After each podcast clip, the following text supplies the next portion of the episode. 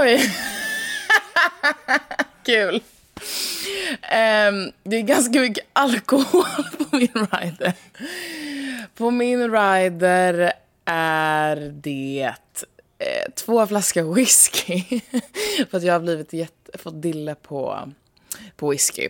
Eh, eller jag hade det förra sommaren i alla fall. Alltså, jag hade ju tänkt eh, i med den här sommaren eh, så skulle jag ha en större turné, eh, vilket eh, inte går nu. Men då, En vit turné då förstås. Exakt, nej men då hade, jag- då hade jag liksom nog ändrat lite för jag drack aldrig, liksom, jag typ drack inte så mycket överhuvudtaget. Liksom. Så det var lite onödigt mycket alkohol på min rider förut. Men ehm, två flaskor whisky, typ två flaskor cava. Eh, och så fanns det, uff, det fanns Nix kexbar, älskar jag. Eh, sen, typ hyfsat nyttiga eh, choklad, eh, liksom, kexchoklad typ. Den är typ sockerfri va? Ja, exakt. Det är det som är eh, grejen med den. Och sen så frukt och eh, såklart honung och sånt där och te och, och kaffe och sådär. Men eh, jag har, jag har, eh, ja, jag skulle verkligen uppdatera den för att jag, det var min första rider som jag fick, fick göra liksom. Det var min första turné förra sommaren. Så att jag eh, hade ingen aning om vad jag behövde. Men nu har jag liksom, jag har fått, fått liksom lite inspiration från typ Sherry har jag hört har typ så här charkbricka och shit. Så att jag, det vill jag gärna ha. För de som lyssnar på det här nu och inte är artister, vad är grejen med riders? Varför ska du ha alla de här grejerna? Ehm, ja, nej, men alltså det handlar ju om att man kommer till en loge, eh, till olika loger och är ute och spelar och så här. Och eh, det kan vara nice, alltså det, det, det är ändå så himla fluxigt liv typ. Så det kan vara nice att någonting är lite likadant typ. Hela tiden man kommer till ett ställe och så finns det saker som man vet att, att så här, man typ behöver för att liksom kunna prestera egentligen. Alltså mycket så. Sen är det inte så, jag behöver inte whisky, jag dricker ju, jag dricker aldrig innan liksom en spelning eller så. Um, eller liksom i samband med det. Men um, typ efter så kan det vara nice att ta en drink med bandet eller så här, uh, komma, komma dit och framförallt typ honungen behöver jag som sjunger och så här. Ja, så att ja, det är, det är helt enkelt för att man ska kunna prestera maximalt. Liksom. Bra, Molly Hammar, välkommen till Hitfabriken. Tack snälla.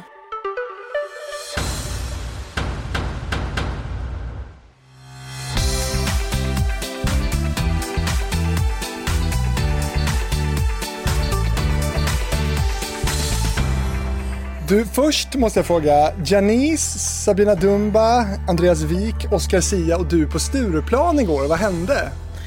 Eh, ja, eh, det var bara, vi hade bara kul, vi var på en middag. Eh, nej men det var jättekul. Alltså, vi, det var, jag vet att det såg helt sjukt ut men vi, det var så länge sedan vi träffade varandra och så länge sedan man så såg människor typ. Eh, så ja, jag, Janice och Sabina och, och Oscar och typ Andreas Wik bara chillade kanten och dansade runt. Eh, inte så mycket chillande kanske, men det var roligt, ni showade typ. ja, vi typ dansade, vi fick spel. Ja, jag vet inte. Kul ju! Ja, vi har kul ihop. Vi har jäkligt kul ihop faktiskt. Har du lyssnat på Hitfabriken med Andreas Wik? Nej, det har jag inte. Åh, vad kul. Det måste jag kolla in. Det är så här att den här podden Hitfabriken, den har ju lyssnare och lyssnare, de hör av sig eh, och skriver brev på fabrikspost.gmail.com. Ofta är det så här att de har önskemål på vilka gäster eh, som vi ska ha i den här podden. Jag tänkte bara i så här i början eh, ta ett sånt eh, mail, det är okej va? Ja, absolut. Robert skriver så här, hej Fredrik, tack för ett intressant avsnitt med Andreas Jonsson och Glorious. Låten är 90-talets bästa och en personlig favorit. Eh, Och Andreas verkar dessutom vara en empatisk och vettig kille. Och sen så har han gjort en liten lista på, eh, på gäster, jag tänkte vi kunde bolla det du och jag. Aha. Nordman till exempel, eh, genombrottet vill han höra om. Har du någon relation till Nordman? Nej. Nej, alltså, eller jo, eh, han gjorde väl Melodifestivalen för några för när jag var, när jag var liten typ. Eh, och jag var typ ganska, eller jag var jävligt rädd för honom då. Så jag vet inte. Jag, Varför då? Men, jag, han hade sin himla hård approach typ. Eh, och eh, så jag har kvar det minnet om att jag är lite smårädd för, för honom. Men jag hoppas att, eh, eller han är säkert snäll liksom. Helene Sjöholm verkar snäll i alla fall och, och hon har gjort så otroligt mycket musikaler och, och gjort mycket turnéer och sådär. Eh, och eh, då skriver Robert här att han skulle tycka det var intressant med Helene att höra hur hon lyckats klamra sig kvar i toppen. Eh, Ja, kul! Har du jobbat med henne? Nej, nej det har jag inte. Men hon är otrolig. Eh, eh, jättetack för alla listor och förslag som kommer in i alla fall. Eh, det var en hel lista här med E-Type och Europe och Treat och Tommy Körberg och Jill Johnson. Och jätte... Tack Robert för det. Vi ska se till att eh, många av dem eh, kommer med också i den här podden. Eh, Molly Hammar, hur ofta blir du sammanblandad med Molly Sandén? Eh, inte lika mycket längre. Alltså inte jätteofta. Men det händer, det händer. Alltså absolut. Men det är nog typ, alltså jag och Molly har ju, Molly var med om det också för liksom, för några år sedan typ. Nu är ju Molly så här, Sveriges största artist typ. Så att hon får väl inte, hon, hon kan nog ta det ganska lugnt. Medan jag eh, har en bit och, alltså jag har inte hållit på lika länge heller liksom. Men. Eh, eh Ni är polare. Ja, älskar Molly. Hon är helt helt otrolig människa verkligen, utöver artist. Liksom. Eh, men alltså, nej, inte så ofta, men ah, det händer väl, det är ingen fara. Vad är era likheter liksom? Likhet, alltså som människor har vi nog mer, vi har ju inget gemensamt rent musikaliskt så. Alltså, det är det jag menar, det är ju konstigt om många blandar ihop er då. Ja, nej men det är precis, det är, men det är ju verkligen bara för att vi heter samma sak, typ. Eh, ja, punkt typ. Ja. Men du, eh, din karriär den, den pågår ju och är i, i liksom full blom. Om du, skulle säga, om du träffar någon som inte känner dig, hur beskriver du liksom din karriär då? Oj. Jag säger att jag sjunger, eh, att jag skriver låtar som jag sjunger. Och att det ofta är typ R&B inspirerad pop. Eh, och att jag gillar att sjunga om saker som jag är med om, typ som ung kvinna. Och då kan det vara allt ifrån liksom sex och kärlek till eh, ensamhet och så mm. Mm. Och sex har du gjort ett helt, eh, en hel EP som heter, den tänkte jag återkomma till mm. lite senare. Men eh, du är uppväxt med två musikaliska föräldrar. Eh, hur märks det på, på ditt artisteri och på din musikalitet tycker du?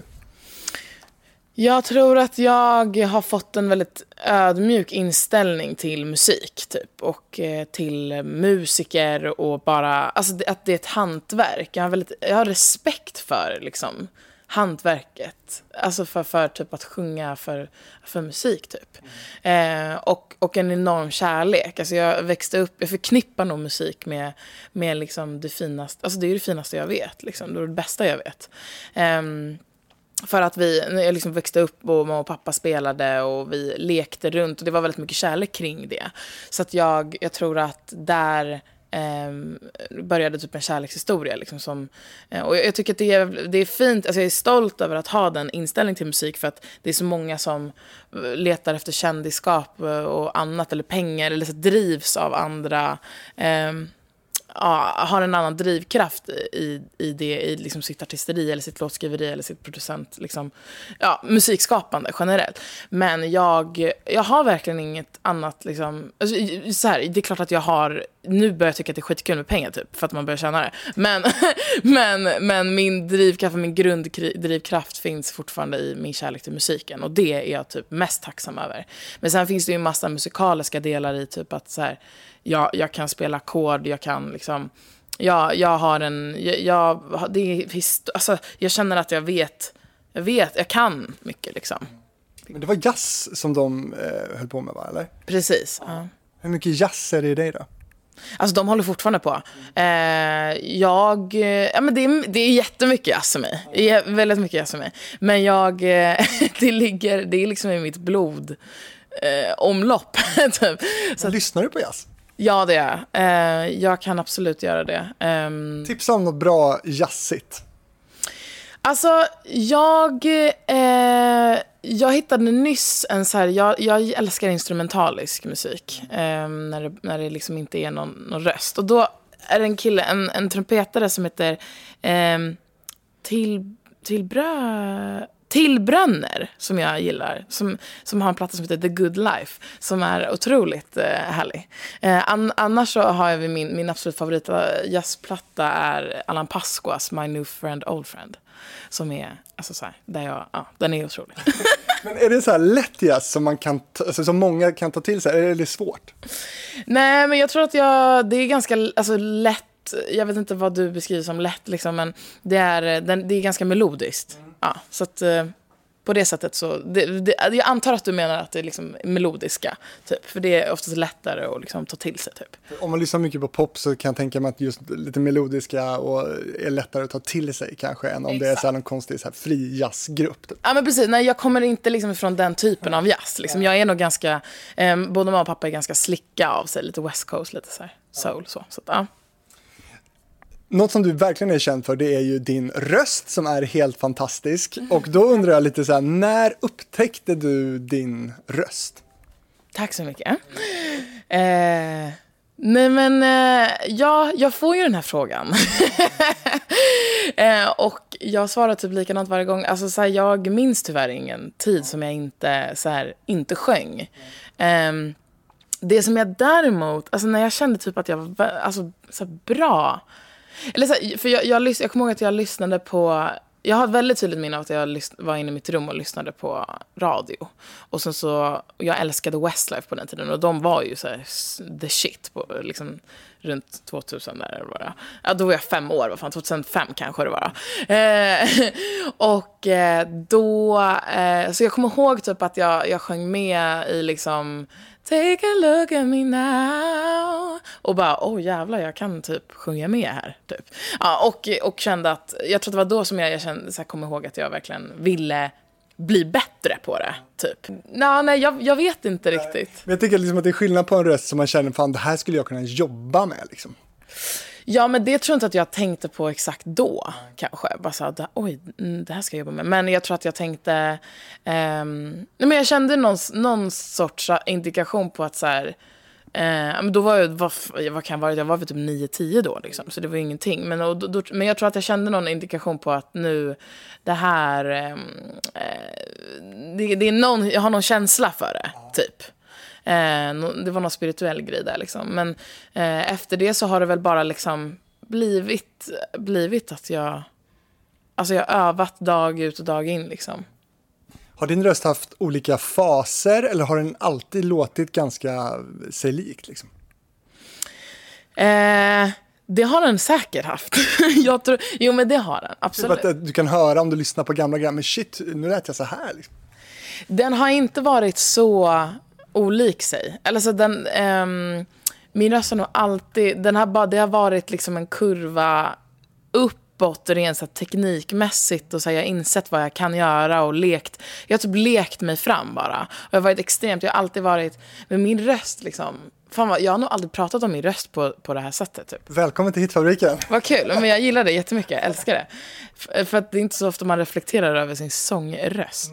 Men, inte ens du som sångerska. Nej, precis. Eh, för att den har liksom, ja som sagt, det känns som att den alltid funnits där på något sätt. Men eh, det är klart, absolut, det, har, det måste ju ha liksom funnits, eh, eh jag, jag kommer ihåg att jag, eh, det finns ju saker idag som jag kan som jag inte har kunnat förut. Liksom.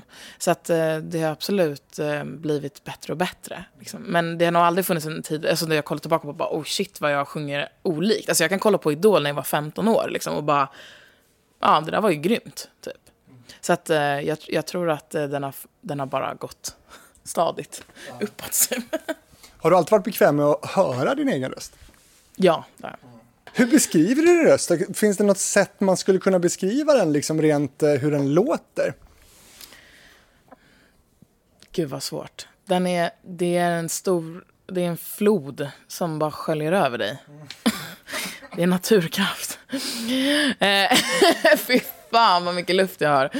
Nej men, ehm, så här, vissa dagar har jag sån här, sånt här självförtroende. det, så här, hade, du, hade du intervjuat mig igår hade jag kanske inte alls svarat samma sak. Då hade jag bara, eh, nej den är väl okej. Okay. typ, och idag bara, nu åker vi. Nej, men, nej, men, den, men den, jag har en ganska tjock, tung röst. liksom. Um, ja, det kan jag säga. Alltså, Finns det någon genre som, som den inte passar till? Alltså säkert. you tell me också. Så jag vet inte. Så jag tror inte att jag hade kunnat göra pop eller vet, nej, pop, jag menar hårdrock typ. Ja. Uh, men däremot så, så rent tekniskt så tror jag kanske att jag, jag skulle liksom klara av jag, jag, tror att jag har blivit eh, skolad på ett annat, alltså att, att mina liksom, tidigare erfarenheter eh, spelar in lite. Och speciellt nu när jag är så 24 och har, känner att jag är lite mer vuxen och i mig själv. Alltså jag, typ, det är som att jag äger min historia om, om, om mig själv mer. Och då behöver inte jag, jag, jag, jag gör inte till min röst längre. Men så här, hade du kanske in, frågat mig i gymnasiet så hade jag nog kunnat göra diver, alltså, diverse mm. genrer, liksom, faktiskt. Mm. Hur, är, hur mår stämbanden? Typ idag? Eh, en sån här vanlig, eh, vad är det, är det fredag idag? Det är en fredag! Halleluja! Eh, nej men de mår bra idag. Eh, jag är lite mer chill, för jag var, på, jag var ju på middag igår och då pratade jag ganska mycket. Och eh, då brukar det vara så att min röst bara eh, Ja, då brukar jag vara lite hes dagen efter. Men jag sjöng faktiskt i morse innan jag kom hit. Eh, och det gick, det gick bra. Så den är liksom, men jag är ganska chill, avslappnat mode liksom, generellt. Ja. Vad, vad sjöng du i morse? Jag sjöng faktiskt med min pappa, för min pappa ville att jag skulle spela in någon grej till hans... Han, han är eh, lärare, engelsklärare på en, en, ett gymnasium. Eh, och ville att jag skulle sjunga en liten trudelutt med honom. Så jag sjöng At Last med ett, av Etta James med pappa. Då. Och eh, min pappa är jazzgitarrist, så att han spelade med mig. Och eh, så kom jag över ja, till honom och nice. gjorde det. det var gulligt, lite så här förmiddagskonsert. Mm, men är det så här att du, att du ändå känner att du måste vårda rösten? Alltså hur jobbar du med den liksom? Absolut. Alltså jag jobbar, det första jag tänker på när jag vaknar på det sista jag tänker på är min röst. Ja, så att alltså, men, och det, men det är det jag menar, det är ju som en jävla kärleksrelation. Det är jättekonstigt. Men eh, jag vill bara kolla hur den, jag kollar till den hela tiden, hur den mår och liksom. Hur gör du då? Mm, alltså bara, men bara att jag, bara att jag liksom gör någonting. Alltså, typ, som idag så vet jag, känner direkt att här, jag är lite trött från igår. Liksom. Men det är, inga, det är ingen fara. Alltså, jag är fortfarande i bra form. Liksom. Jag känner att jag, jag skulle kunna göra en liten en konsert om jag, om jag måste. Men, men, eh, eh, nej, men det är någonting som jag har koll på typ Ja, hela tiden i princip. Men hur gör du då? För jag känner igen med det här om man sitter på en middag eller varit ute på en bar eller någonting och har pratat mm. ansträngt rösten. Jag blir också väldigt lätt hes. Liksom. Ja. V vad är tipset där? Mm.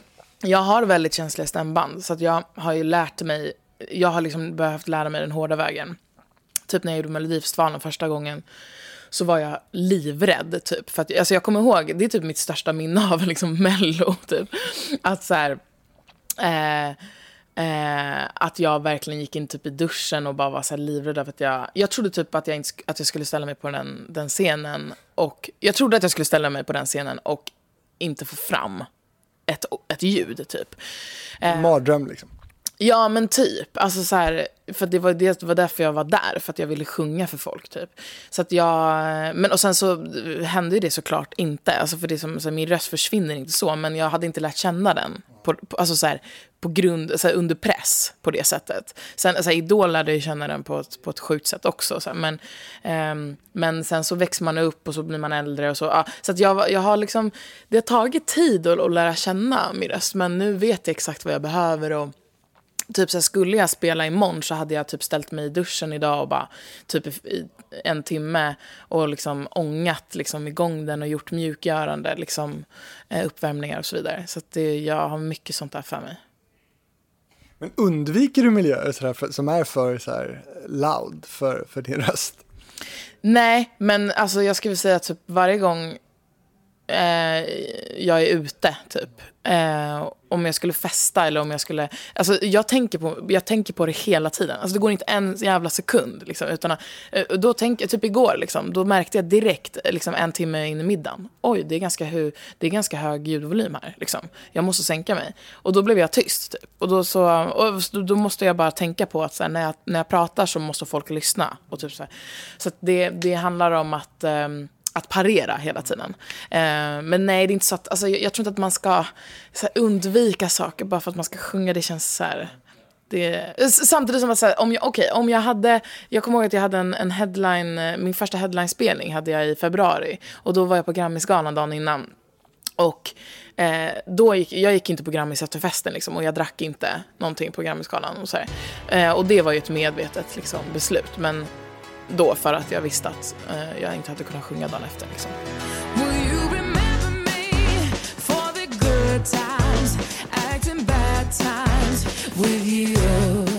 2015 då som du nämnde så tävlade du i Melodifestivalen med I'll be fine, kom på sjätte plats i delfinalen i Göteborg. Hur hamnade du där? Ja, men vad fan. Jag hade ju valt den, eh, den vägen då. Jag hade ju valt den här mellovägen och typ jag gjorde Idol mm, år 2011 och sen så blev jag tillsammans med Robin Stjernberg som är en otrolig artist och vann Mello 2013. Och då var det som att jag hade fått smaka på typ att så, ah, vad snabbt det kan gå. Och typ, och det gick så bra för honom ju.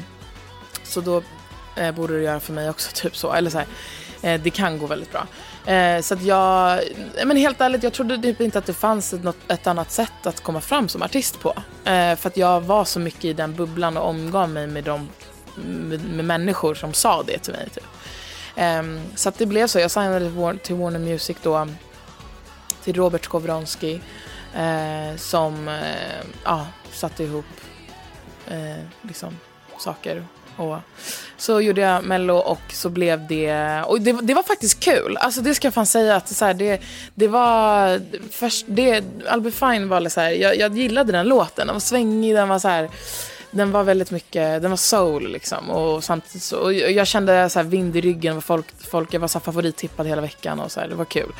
Um, tills då att de introducerade typ dagen innan för oss att det skulle den här nya appen då som eh, man kunde rösta med som kraschade eh, eh, när jag körde typ. Eller de, den hade lagts ner, det, det var någon bugg på den typ. Eh, vilket gjorde att jag slutade som på sjätte plats där.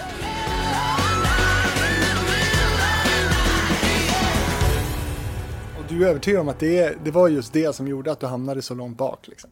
Ja, eller övertygad. Det finns, det, jag var ju, alltså jag vaknade upp dagen efter och var på, liksom, på löpet och etta på iTunes. Liksom. Så det var ju... Eh, ja, absolut. Alltså, det, och det var ju också en del i varför jag var med eh, året efter. För att jag fick någon typ av redemption, så här, förlåt-grej från SVT då, typ. Så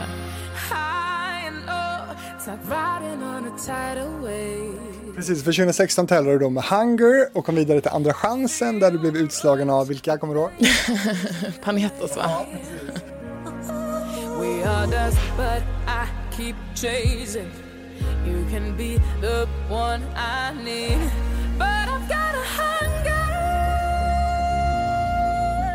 Men du, var det så, den känslan du hade då, det var revanschåret? Absolut, exakt. Um, från början var det ju det.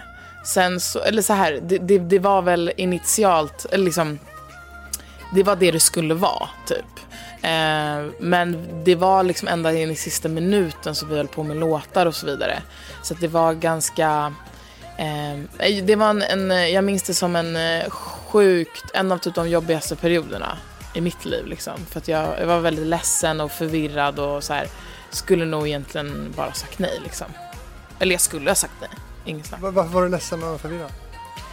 För att eh, folk i den världen är extremt manipulativa. Och det är liksom inget, alltså folk i, folk, alltså i den världen, folk i musikbranschen är, är det också. Så här, för att det finns alltid underliggande intentioner liksom. Och, eh, jag tror att alltså Melodifestivalen är ett väldigt bra sätt för bolag att tjäna pengar på. För det, de behöver inte lägga så mycket pengar. Eh, utan det, de får ju extremt mycket gratis, liksom, gratis eh, PR. Typ. Eh, Sen, kan man, sen lägger de pengar på nummer och så vidare. Vilket de verkligen gjorde på mitt. Så att jag är inte så här, alltså jag är inte liksom arg på någon ifrån den tiden för att det är så här, jag visste, jag var förvirrad, jag var för ung. Alltså jag, jag visste inte vad jag ville göra, jag visste inte vem jag var liksom. Så att jag, det, jag, det måste varit skitjobbigt att jobba med mig också. Så, så eh, samtidigt som att eh, jag, hade nog inte, jag hade inte velat gå tillbaka till det samarbetet. Alltså så liksom heller. Så jag tror bara att det var en, eh, eh, någonting som, som var då och så här, eh, Ja, nej men, men jag är fortfarande glad över att, alltså de, de minnena och liksom de, eh, den erfarenheten är jag glad över. Hur valde du de här två låtarna då? Både Hunger och I'll be fine. Alltså hur mycket var du med och liksom hur många låtar valde du bland? Och, alltså, vad var det som gjorde att det blev just de här låtarna? Ja men det var väl det som är grejen att, eh, alltså det första året, alltså I'll be fine hade jag, den var det som att typ jag valde, valde själv. Alltså så här, jag signade till Warner Music med den låten och bara, det är den här jag vill göra. Om jag ska göra den. Så, så, så, och det var jag säker på, på det. Eh, Hunger skrev jag inte till mig själv till en början. Vilket, alltså det var liksom inte en låt till mig, det var en tropical house-låt typ. Och jag ville typ att Ellie Goulding skulle få den och så vidare. Så att det var en, um, ja det var en, en, en, förvirrande, alltså det var en så jobbig tid. För att, och samtidigt så ville man ju, så, så fick jag ju det här, så här hoppet om att så här, ja, det är revanschår nu, du måste göra det i år, det kommer inte bli något nästa år liksom. Uh, så det var ju en, en förvirrande tid eh, där jag bara, där det slutade med att så här, jag typ spelade in Fredrik Kempe-ballad liksom, som alla ville att jag skulle sjunga, men som jag inte alls kände för. Um, så att, ja, nu får du verkligen så här first hand information som inte jag har berättat. Men det är vad det är. Alltså, så här, det var så länge sedan nu. jag bryr mig inte. Det är preskriberat. Exakt. Bring it on! Bring it on. Nej, men så att det var väl därför, det var, det var en jobbig tid liksom. Att, så här, så att det slutade med att så här, Hunger blev typ min livlina. Att så här, ja, det är en låt som jag skrivit i alla fall. Så att det är någonting som är nära mig. Närmre mig än en Fredrik Kempe-ballad i alla fall. Alla vill att du skulle göra den stora balladen alltså. Precis, men det är väl det enda alla all, någonsin har velat liksom. Eh, eh, men som jag inte har liksom relaterat till. Men nu har jag i och för sig släppt en, en ballad. Eh, alltså så, så att, jag, jag, jag, kommer absolut fortsätta göra ballader, men jag kommer inte bli en, nästa Sanna Nilsson. Liksom. Det händer inte. Men, men det händer ju något då när du åker ut på Melodifestivalen där med Hunger. Du blir alltså dumpad av ditt skivbolag. ja, alltså, har du sagt? Det är ju en, en liten över, liksom, eh, jag överdrev lite. men, men vad var det som hände då? Nej, men vi avslutade vårt samarbete eh, och det var ju det var absolut ett, ett, typ ett gemensamt beslut. Samtidigt som att jag eh, kände mig, det är inte kul, jag blev droppad liksom, alltså så i, i citationstecken. Ehm, eh, men men eh, och det, och det är inte kul liksom, att bli, att känna att någon inte vill jobba med en. Så att det kändes, det var, det var ett hårt slag samtidigt som att jag vet inte om jag heller, eller jag hade ju, obviously kom vi inte överens om en framtid. Liksom. Ja, för, du, för du har beskrivit det som att ingen trodde på dig. Vad, vad var det som ingen trodde? Nej men på mig. ja, vad liksom? Det som jag inte hade var väl en, en riktning om jag ska vara ärlig. Alltså, de tyckte att du var för bångstyrig när du inte ville göra den där balladen. Absolut, ja. ingen snack. Jag, jag tror att så här, de, vi hade ju inte en gemensam bild av, av vilken artist jag skulle bli. Um, tyckte inte de att du hade bevisat dig nog liksom? Nej, nej. Alltså så här, skivbolag vill tjäna pengar. Och när de märker att det liksom inte är så lätt att tjäna pengar på dig och du inte vill göra så som de vill så är, då går de vidare till nästa liksom, eh, då, går, då ger de ditt kontrakt till Samir och Viktor. Alltså så här, det är liksom inget, det är en, en cold ass world liksom och jag kände verkligen att så här, det var det, var, det jobbigaste för mig var att jag kände att jag typ hade spelat mitt bästa kort, vilket var min röst. Eh, men det var också någonstans då som jag var tvungen att se så här, ja, men vill du bara, alltså om jag vill vara, bara i citationstecken nu, alltså det är otroligt om man, om man bara vill se sig själv som en så här, sångerska, men jag vill bli en artist, jag vill ha något att förmedla och jag hade typ inte det då. Jag visste inte vad jag ville förmedla riktigt. Eh, jag hade liksom lite spridda budskap om, om, eh, om, så här, om, om, att älska sig själv och så vidare, vilket, vilket jag fortfarande står för och det är jag jättestolt över att jag vågade prata om då också. Eh, men det var liksom inte, det var inte genomtänkt så. Det var liksom inte, det kommunicerades ut på konstiga sätt. Och, alltså så så, att, så att det, var en, det var en stökig tid som jag, eh, och också en stökig slash liksom, jag växte upp verkligen. Alltså verkligen bara det det är. Så att jag ser inte tillbaka på det som ett trauma. Även om, det, även om liksom att åka ur en sån stor liksom, popularitetstävling och liksom effekten efteråt har verkligen liksom lämnat spår i mig. Um, så vad, har det, vad har det lämnat för spår? Um, att jag verkligen inte vill vara med i så, sånt igen. Alltså spår har det lämnat på det sättet att jag har insett vem, vem jag är. Så att det, det är väl så, eh, det, det är så de här spåren eh, är väl typ, har bara lett mig till där jag är idag. Liksom. Men du har stängt dörren till Melodifestivalen i alla fall? Nej, men, ja, alltså, eller vad fan. Det, är väl, det finns det någonting som är tydligare än det, eller? Men alltså, däremot så är det... Däremot så... Alltså, jag Många som har sagt det, Molly. Nej men fast ja, ja absolut. Ja. Men liksom, om du kollar på mitt artisteri idag, ser det ens ut i närheten som att jag är på väg till att liksom poppa in på presskonferens? Alltså, det hade typ varit som att så, se så här, Nej, men det hade varit jag, jag vet inte vilken artist, men det hade varit så sjukt konstigt. Bara, Molly Hammar ska vara med i Melodifestivalen. Nej men det är liksom det sjukaste jag kunnat tänka mig. Eh. Alltså jag som ser det utifrån tycker inte att det upplever det inte lika sjukt. Och så Nej. tänker jag också att du är 24, alltså du har ju en ganska lång karriär framför dig. Precis, en lång karriär av att inte vara med i Melodifestivalen. Men däremot så alltså, hade det varit en riktig dröm att få komma tillbaka och göra mellanakt. Uh. Alltså en dröm. Uh. Alltså det säger verkligen Christer och Karin. Snälla, ta med mig. För att jag vill ha, få en liksom revansch fast liksom inte i... Jag, grejen är att jag kommer inte må bra av att tävla. Jag klarar inte av det skiten. Så bara låt mig liksom... Ge mig något år av att ta över världen och sen kan jag komma tillbaka och liksom få göra rättvisa för mig själv. För det känner jag att jag inte har gjort i Mello. Liksom. Men det är okej. Okay. Alltså, det är inte så att jag... Så. Det, jag lämnar det där utom tävlan förmodligen då framöver. Förmodligen? Nej, det är nej alltså. Absolut, I hear you.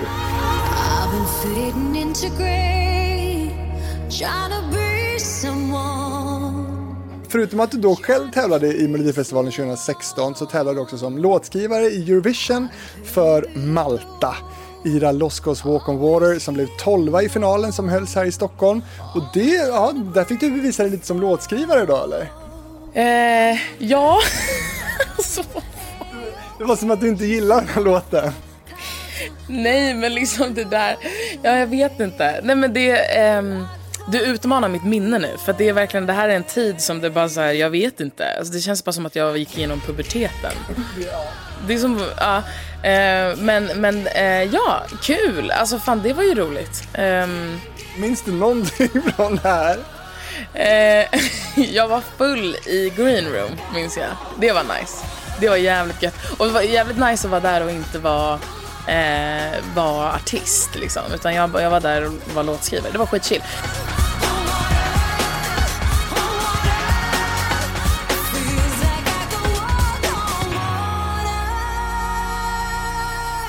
Nej men jag har skrivit jävligt mycket låtar. Eh, framförallt så har jag skrivit låtar eh, till liksom DJ, eh, stora DJ-akter som, som eh, har streamats på som fan liksom. Och så att, Säg några.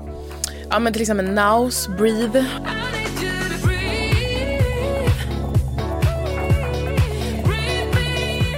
Eh, och typ Holding On To Hope med Sonder som är en jättestor akt i, eh, i eh, England.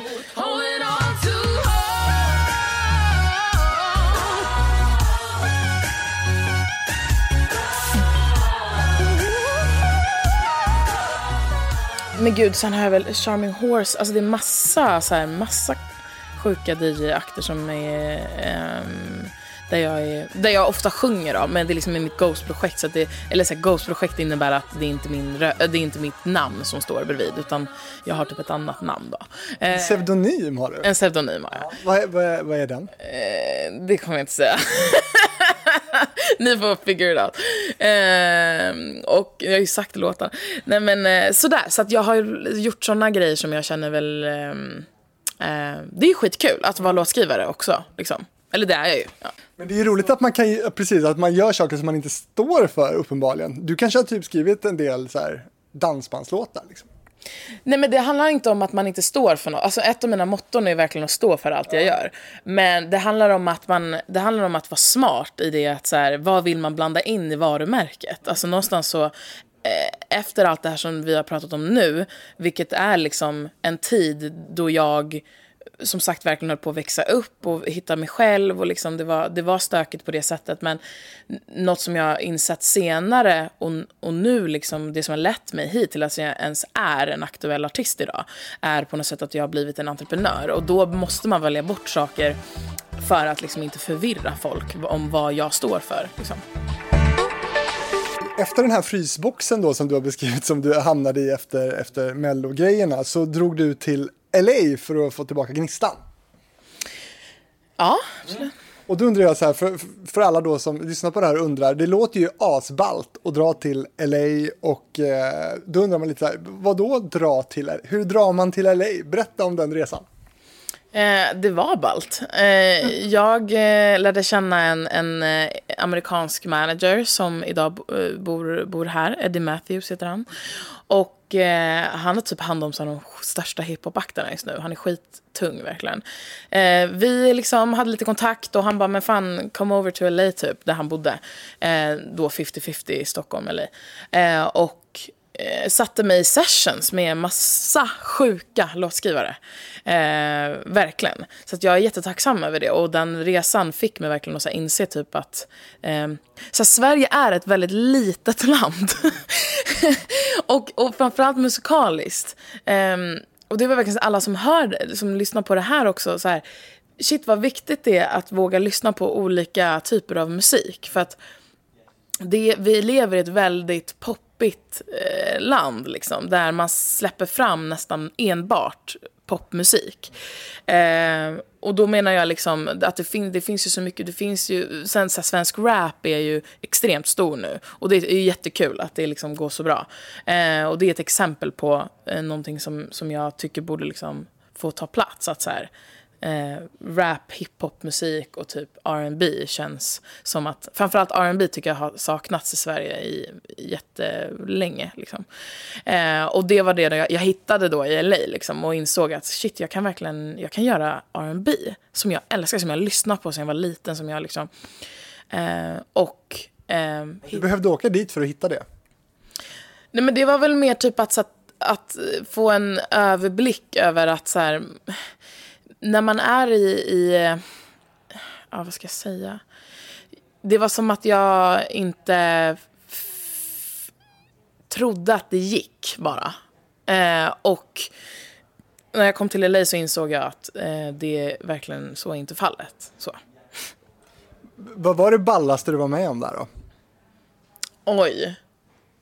Nej men det var nog att vara i... Eh, jag, hängde på, jag var på en fest eh, tillsammans med Sara Larsson och hennes band. Eh, och eh, vi var, Sara jobbade jättemycket med ett, ett eh, popartist, eller popband typ, eller vad man säger. Eh, Lisa urban, fan de är inte popband, är de absolut inte. Men så här, eh, de heter Social House i alla fall. De är två producenter som har gått ihop och de har skrivit alla Ariana Grandes senaste låtar och sånt där också. Eh, så det bara hängde så här Ariana Grande plaques på, hela, på, alla, på väggarna. Liksom, och så här. Det var ett sjukt stort hus eh, uppe i Hilsen och eh, det var typ den sjukaste. Liksom. Där var vi ganska mycket också. Eh, det, var, det, var, det var mäktigt. Hur bodde du? Jag bodde eh, tillsammans med Andreas Wik i eh, ehm, i, på ett, i ett Airbnb-hus som var jättefint och gulligt. Och eh, ja, i Hollywood där. det var jättegulligt. När drar du tillbaka då? Nej men så snabbt jag kan. Jag skulle varit där egentligen nu. Eh, ja, det är ju crazy times. Men eh, ja, så snabbt jag kan verkligen. Det, det vore en dröm. Det var två år sedan jag var där nu. Så att, eh, I LA i alla fall. Jag var i New York förra året. Det var drömmen också. 2018 så släpper du EPn då som heter Sex.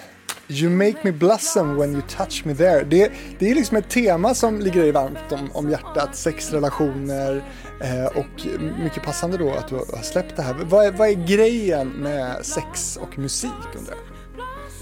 Eh, nej men jag tror bara att alltså, musik är ju mitt kommunikationssätt och det var väl verkligen det jag insåg då eh, för några år sedan att jag kan verkligen få prata om det jag vill och det jag, det jag, det jag känner. Typ. Jag började sätta ord på mitt liv typ. Eh, och sen så såg jag också typ att eh, när, jag, när jag lyssnade mycket på R&B eh, och, typ, och, och, och, insåg då att jag, fan det här kan jag hålla på med.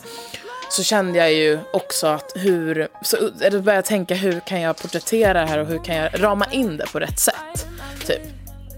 Och då blev det, och så tänkte jag på att, eh, vaknade jag upp en kväll. Eh, brukar jag alltid berätta för folk, men det hände verkligen för det var så sjuk sjuk insikt som jag fick i sömnen att så här, jag skulle göra den här eh, sex-EPn. Och den handlar väl, så här, ja det är klart att den handlar om sex men den handlar ju mest om kvinnlig sexualitet och typ respekt. För min del liksom. You make me blossom when you touch me there i never felt someone like you, I swear. Take me to heaven and we'll stay right there. You make me blossom, blossom, blossom. Det är ju intressant, för precis nu när vi spelar in det här så, så är det ju någonting som, som debatteras och pratas otroligt mycket om just nu när det handlar om eh, kvinnlig sexualitet, respekt, eh, Paolo Roberto och sexköp, det är alltså bordeller i Stockholm, Göteborg, Malmö och så vidare. Vad, vad, vad känner du, vad, vad tänker du, vad, vad, hur resonerar du när du hör om sånt? Oj, alltså ja, det här är ju så mycket, det, det är så mycket större än jag liksom. Jag tror att det, det här, jag är inte chockad liksom, eh, tyvärr. Eh, det jag kan vara chockad över är väl, är väl att så här, eh, jag, jag, kan, jag kan tycka att det är jävligt deppigt över liksom tystnaden som har varit. Berätta om den, vad, vad då? Just trafficking och liksom att det inte har blivit mer tabubelagt att köpa sex tycker jag är helt eh, vidrigt. Men och det hoppas jag ju att... Det, så jag, jag, läste, eller så jag hörde typ, för folk var så himla arga för att Paolo Roberto ens fick eh, utrymme i typ TV4 och prata om det. Och då så hörde jag att Jenny Strömstedt då, som intervjuade honom hon hävdade då att det skapar ju ingångar till ämnet. Liksom, och att man, det kan man inte lägga lock på. Typ. Och det kan jag hålla helt med om. att så här, eh, Ja, det är fruktansvärt att han ska få sånt utrymme. Eh, för att i sådana fall vill man ju att offret också ska få ett sånt utrymme. Vilket är svårt i det här, men det som skapas är ju ett, eh, ett, eh, en, en, diskussion om, om trafficking och om eh, ja, egentligen bara kvinnosyn, alltså som det ändå grundas i på något sätt. Eh, och eh, ja, så det är någonting som jag pratar om hela tiden liksom. Så jag vet inte vad, om jag ska kommentera om det liksom. Nej, men med ditt engagemang tänker jag, har du engagerat dig på något annat sätt än i, i musiken så att säga, i de här frågorna? I organisationer eller sådär? Ja, nej jag har faktiskt inte, jag har inte gjort det. Jag har valt att, eh, jag har inte jag har typ inte lagt ut, jag har, jag har varit jättetyst om den här situationen. Mm. Eh, och jag vet faktiskt inte, jag har väl bara känt att jag, eh, jag orkar inte ta alla kamper hela tiden. Pallar inte det. Alltså alla vet vad jag står för och, och liksom, och jag låter folk som, eh, som så här, jag, det är jättemånga som pratar om det just nu, så jag låter eh, folk göra det. Och sen så kanske jag kommer om några dagar eller om en vecka. Alltså det här är ju också ett ämne som ständigt är aktuellt. Så att, så att någonting som jag, jag vet inte om, om man ska se det som en så här, bara hoppa på det nu när det är hett typ. Alltså man bara, det är hett hela tiden bror. Så att jag... Som du också sa, det är också märkligt tyst ibland. Ja men precis, exakt. Eh, om, den, om just det här så tycker jag det har varit eh, ganska uppmärksammat ju. Det, det, känns som, så här, jag kan, jag kan tänka, ja, det jag menar på att det har varit tyst där, typ från män kan jag tycka att det kan vara jävligt tyst. Men och samtidigt så har jag ju liksom, jag förstår att, att det är en läskig sak för män att gå in, alltså, eh, gå in i och prata om. Men jag tror att det är skitviktigt att vi alla gör det. Ska vi lämna bordellerna? Ja, låt oss. Men du, görs det för lite sexiga låtar tycker du? Nej, för mycket. Alla anspelar på sex nu för tiden. Men det... Även i Sverige? Ja, nej, jag lyssnar inte på svensk musik. så det återigen, du får, du får, you tell me där igen alltså. nej,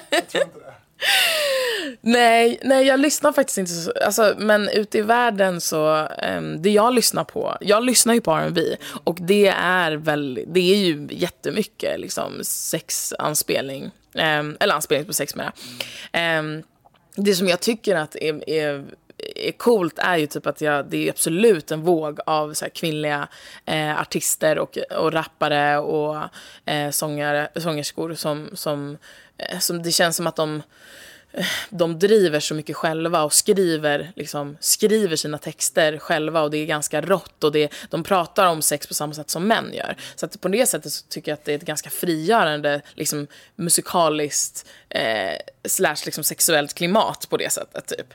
Eh, in a good way då? In, in a very good way, ja. Alltså, samtidigt som att jag, jag, kan också bli trött på att alla ska sjunga om sex hela tiden. Eh, men och, och, åtminstone så är kvinnorna inte så här porträtterade på ett sätt, alltså det, det är liksom inte för att tillfredsställa en manlig liksom, eh, ett manligt öga typ så. Eh, Varför är Danny Saucedo ditt drömligg? Och jävlar, nej men gud, det där, det är inte. Nej. Det är inte jag som har sagt det här alltså. Okej, det var ditt drömligg då. Nej men Danny var väl mer min drömkille. Eh, Det var inte så du uttryckte det, men okej. ja. eh, ja, men vad, alltså, men det här var ju sjukt länge sedan. Ja, några år sedan i alla fall. Eh, ja, precis. Verkligen några år sedan. Men han är ju, ja, ehm, nej, men han är jättefin. Nej men just nu så, nu, just nu vet jag inte vem, vem det är. Vem Danny är? Danny är jättesnäll, fin kille. Vi hoppas att han mår bra. Det var länge sedan jag såg honom. Ja, Du, han, du hänger inte med honom liksom? Nej, inte lika mycket länge sedan han och Molly gjorde slut. Tyvärr. Du var team Molly. Nah, jo, ja. Nej, men jag är bådas team. Men, eh, men det har blivit mer liksom, naturligt att jag hänger med Molly. Liksom. Du, eh, du går i terapi, eller du har gjort det i alla fall. Har det någon, någon, någon påverkan på musikskapandet för dig? Ehm, ja, absolut. Jag tror att terapi och att så, möta sig själv är ett jätteviktigt första steg för att liksom eh, för att göra bra musik. Typ. Men har, finns det något så här konkret att, att du faktiskt har blivit hjälpt kanske genom terapin i ditt musikskapande? Eh, ja, men precis. Mina texter är nog ärligare och eh, för att jag är mer ärlig. Och eh, ja, Och du går fortfarande? eh, inte just exakt nu, men jag ska börja igen nu. Berätta då hur man hittar en bra terapeut. Hur har du gjort? Oj, det har jag faktiskt svårt med själv. Det är ju det som är grejen, att jag har famlat runt lite där. Men eh, fråga, fråga runt tror jag. Alltså, jag tror att man måste bara vara öppen för det. Typ. Och sen beror det på vad man behöver hjälp med. Jag tror att eh, det måste man pinpointa först, så här, vad det är. För det finns ju specialister och så vidare. Så, okej, man, man, man frågar vänner helt enkelt, på rekommendation. Du eh, Molly, någonting som fick väldigt mycket uppmärksamhet eh, och som jag läste om, det var när du på NHL-matcher i Globen förra året sjöng amerikanska och eh, svenska nationalsången. A cappella var det va? Ja. Exakt hur nervös är man då för att få den där tuppen i halsen? Ja, men extremt. extremt. Men tuppen i halsen är nog, var nog inte mitt största. Det var... Nej, men textmässigt var det ju ett, ett, ett helvete. Det var jättetufft verkligen. Men... Eh, sju, eller tufft, det var jättenervöst. Eh, men sjukt kul upplevelse. Alltså det, var ju, det var bland det mäktigaste jag typ varit med om faktiskt. På vilket sätt? För det var så mycket press och, i luften liksom att så här, jag visste hur mycket, det var flera hundra miljoner tittare samt som att det var ett, ett fullsatt Globen och då är det väl liksom, vad är det, 15-16 tusen om det är full, ända upp till taket liksom. Um, så det var, det var en, en eh, helt sinnessjuk upplevelse faktiskt. Jag kan titta tillbaka på det och bara bli så här, var det en dröm eller? Eh, men och sen så var det en mäktig känsla att sätta det. Liksom. Jag känner verkligen att jag nailade det. Liksom. Och det, var, det är jättemäktigt.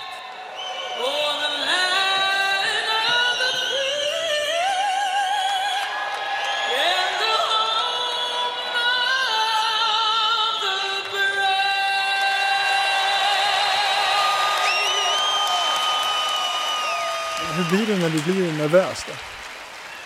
Eh, jag blir väldigt, alltså inför en sån situation så är jag extremt bara sammanbiten typ och lite nojig, kanske lite, ja men så här, behöver ha, få göra alla saker som jag känner att jag behöver. Typ. Alltså så här, så.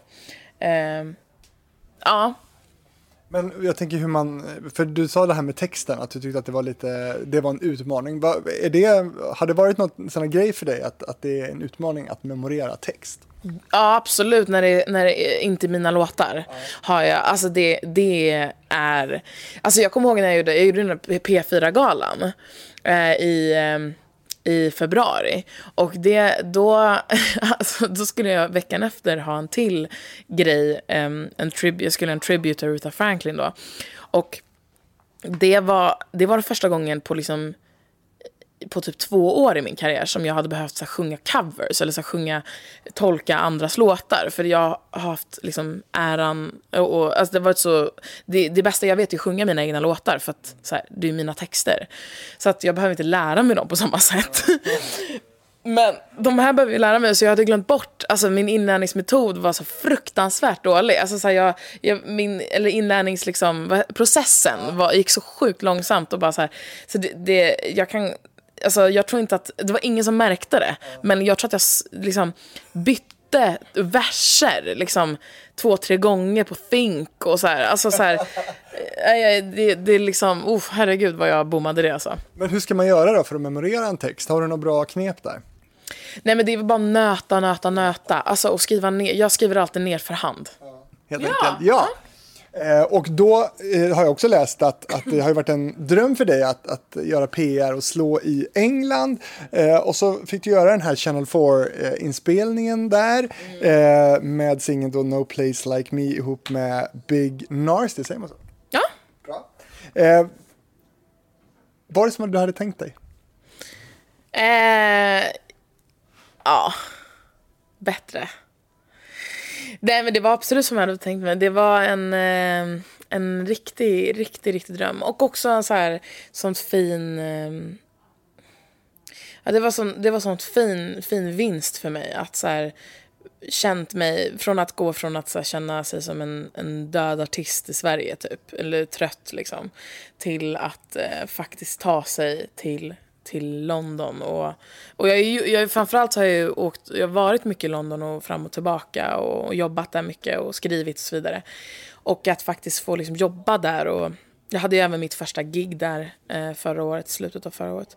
Eh, ja, det, det, men det är bara en vinst, det är liksom en saga verkligen. Så att jag, jag är så sjukt tacksam och, och glad över att jag lyckats eh, göra de sakerna. Och det är ju förhoppningsvis, eller det är bara början liksom. Ja, precis. För hur viktigt är det där för dig med den internationella scenen, alltså slå utomlands? Men för mig så, eh, jag tror att det låter så himla klyschigt när man ska vara så här, jag vill bli en internationell artist. Jag tror att alltså, anledningen för mig till att jag vill bli det är ju eh, att jag vill att så många som möjligt ska få höra min röst, eller att jag, att jag ska få sjunga eller alltså, alltså, att, beröra så många som möjligt. Det är väl mer det, att det känns som att um, jag, vill, jag vill verkligen beröra människor och typ få folk att känna lite. Uh, och um, ja, sen, sen så har jag nog insett så här, nu när jag är ändå liksom blivit lite äldre, typ att så här, alltså fan, så kan jag inte säga. 24! Ja men så här, jag har ju hållit på länge ändå liksom, så det känns ju länge. Men, eh, men det, och, och, min inställning till det här liksom världsartistsituationen har ju har, har förändrats på det sättet att så här, det spelar inte roll exakt vad det är. Alltså, det är inte så att jag behöver bli så här amerikansk superartist. Men ehm, jag vill i alla fall bara här, kunna göra typ en Norden-turné och, liksom, och typ England och så här, eh, England, Tyskland, Sverige. Men, och Sverige är skitviktigt för mig fortfarande. Så det, det känns som att det här är mitt fokus, 100%. Men, men ja, det är jätteviktigt för mig att, här, att känna att internationella är på banan. Liksom. Och, det, och det känner jag, det känns skitkul. Underbart, lite England, lite Tyskland, ja. stora marknader. Exakt. Ja. Men, men ähm kan du säga, kan du pinpointa några gånger där du verkligen har känt dig som en stjärna? Oj, varje dag eller? Jag skojar. Den lyssnaren kommer bara, va? Um, Finns det någon sån? Nej, ja men alltså när jag gjorde, nej, ja absolut. Alltså så här, jag har aldrig känt mig så mycket som en så här aspirerande världsartist som när jag fick sjunga, när jag gick i korridorerna på Channel 4 liksom. Eh, och i den byggnaden, historiska liksom, tv-byggnaden också. Så att, absolut, då kände jag att nu, nu blåser det i ryggen liksom. Vad öppnar en sån spelning då för, för dörrar för dig, till exempel då i, i England? Eh, ja, men det, det gör ju typ, alltså det skapar, det är ju en byggsten. Eh, alltså allting jag gör nu är egentligen en, en byggsten i, i, i liksom fortet som jag vill bygga. Eh, eller som jag håller på att bygga. Och eh, det, det, är en otro, det var en väldigt viktig byggsten för typ att eh, kunna göra det här, eh, min spelning då som jag hade i London. Eh, och den spelningen ledde till, en, till andra saker och, och um, ja, det, det, det är alltid det är många, många bäckar små verkligen. Uh, men sen så är det ju inte det, det saker går ju inte på en sekund, liksom. det gör ju inte det. Är du otålig? Nej, då hade jag, då hade jag lika gärna kunnat sluta. Alltså. Ja. Man kan inte vara det när man är artist. typ.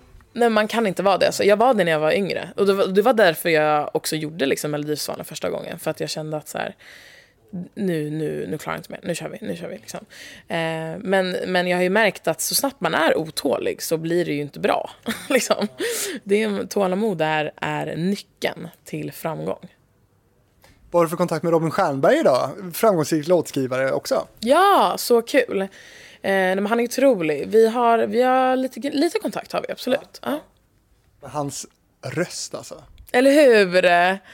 Han är otrolig. Han är fan Sveriges bästa, bästa, han har Sveriges bästa röst alltså. Men han har ju något nytt projekt nu med någon, någon duo. Har du lyssnat på det? Ja, absolut. Mm. Med Benjamin Roostang. Vad ja. tycker du? Jättefett alltså. Mm. Verkligen. Ja, vad ska du säga liksom? Exakt, bara, jag tycker att det är nej men otroligt, otroligt. Jag älskar allt Robin gör. Liksom. Har, tycker du själv jag kan, tror mig veta svaret på den här frågan, men tycker du själv att du har fått det erkännande som du förtjänar med den röstkapacitet och den låtskrivarpotential som du har? Nej, såklart inte. Nej. Men det kommer. Det är ingen, det är ingen stress. Alltså, det tar tid för folk att och liksom, det tar tid för både mig och folk och, och jag har ingen, ingen liksom tvekan i min kropp kvar på att det hade jag förut liksom att om jag någonsin skulle kunna få det det jag kände att jag liksom typ förtjänade eller så här, det, det jag ville, det jag önskade. Um, jag tror, jag tror så genuint att folk eh, ser um, och att, att för, så här, jag baserar det på att um, alla som jag så, så här, genom det här, de här två åren bara har jag vuxit något enormt liksom, i, i följarskara. Och, jag, och de har liksom stannat kvar. Så att jag tror att eh, folk som väl hittar till mig, när man väl hittar till mig, så tror jag att de ser eh, vilken liksom genuin artist jag är och, och, att jag kommer fortsätta att leverera kvalitativ liksom, eh, musik. Så. Och, och, och, att jag har ett, liksom, jag har ett så, jag har så sjukt stora drömmar. Så det är bara så här, häng med på tåget för fan. Så. Ja, men vad, hur ser de drömmarna ut då? Vad, vad har du för målbild där eh, framåt? Är det, snackar vi fem, tio år? Ja, men jag tror att alltså, jag jobbar ganska... Jag, jag jobbar med både stora och alltså långsiktiga och kortsiktiga mål. Mm. Um, Eh, just nu när, när livet verkligen är upp och ner liksom, så är det svårt att... Jag planerade att ta väldigt stora kliv nu i sommar. Men och, i och med att jag skulle ha en, en stor turné. Då, liksom. Eh, men, och det kommer inte gå på samma sätt och då får man bara acceptera det. Och det är, inga, det är liksom inte hela världen. Huvudsaken är att folk mår bra. Och, och, och så.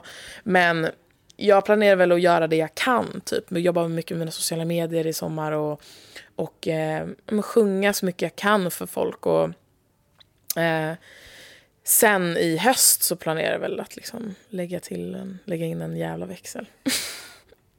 hur ser det ut just nu då? Vad har du för deals nu? Har du, liksom, hur funkar, har du ett skivkontrakt nu som du går på eller hur, hur jobbar du nu? Eh, ja, jag har ett skivkontrakt med, ett, eh, med Cosmos Music. Och eh, de Eh, jättefina. Sen har jag, ja precis, jag är signad på egentligen alla håll. Jag har management, jag har eh, låtskrivare, publishing eh, på Warner Chapel. Och så har jag Line Nation som bokare. Så att ja, jag är fix, fixad och klar så att säga. Men har du något eget AB? Vet du vad, jag ska faktiskt starta ett AB nu. Ja, för jag har letat och inte hittat. Tänkte vad konstigt att inte Molly har det. Vad sjukt, att du, varför har du gjort det? Det ingår i det som kallas för personresearch. Okej, vad sjukt. Nej, men jag har ett, jag har ett eget företag helt enkelt. Alltså, jag bryr mig inte bara om att Danny är ditt favoritligg, utan jag är ändå lite seriös också faktiskt. Snyggt, snyggt.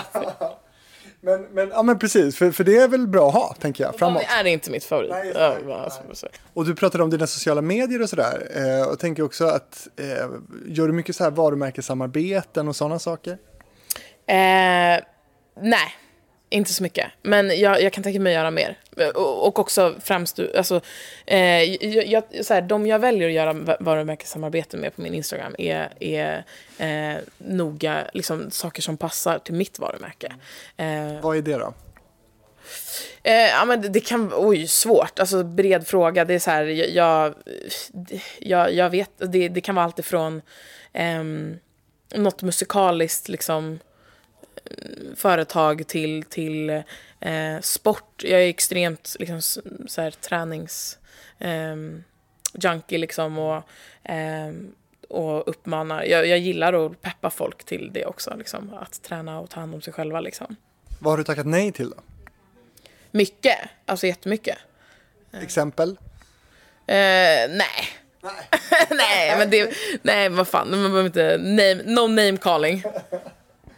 Du eh, Molly, gud vad kul att, att snacka musik och karriär med dig och eh, vad har du på gång så här nu då en, en fredag?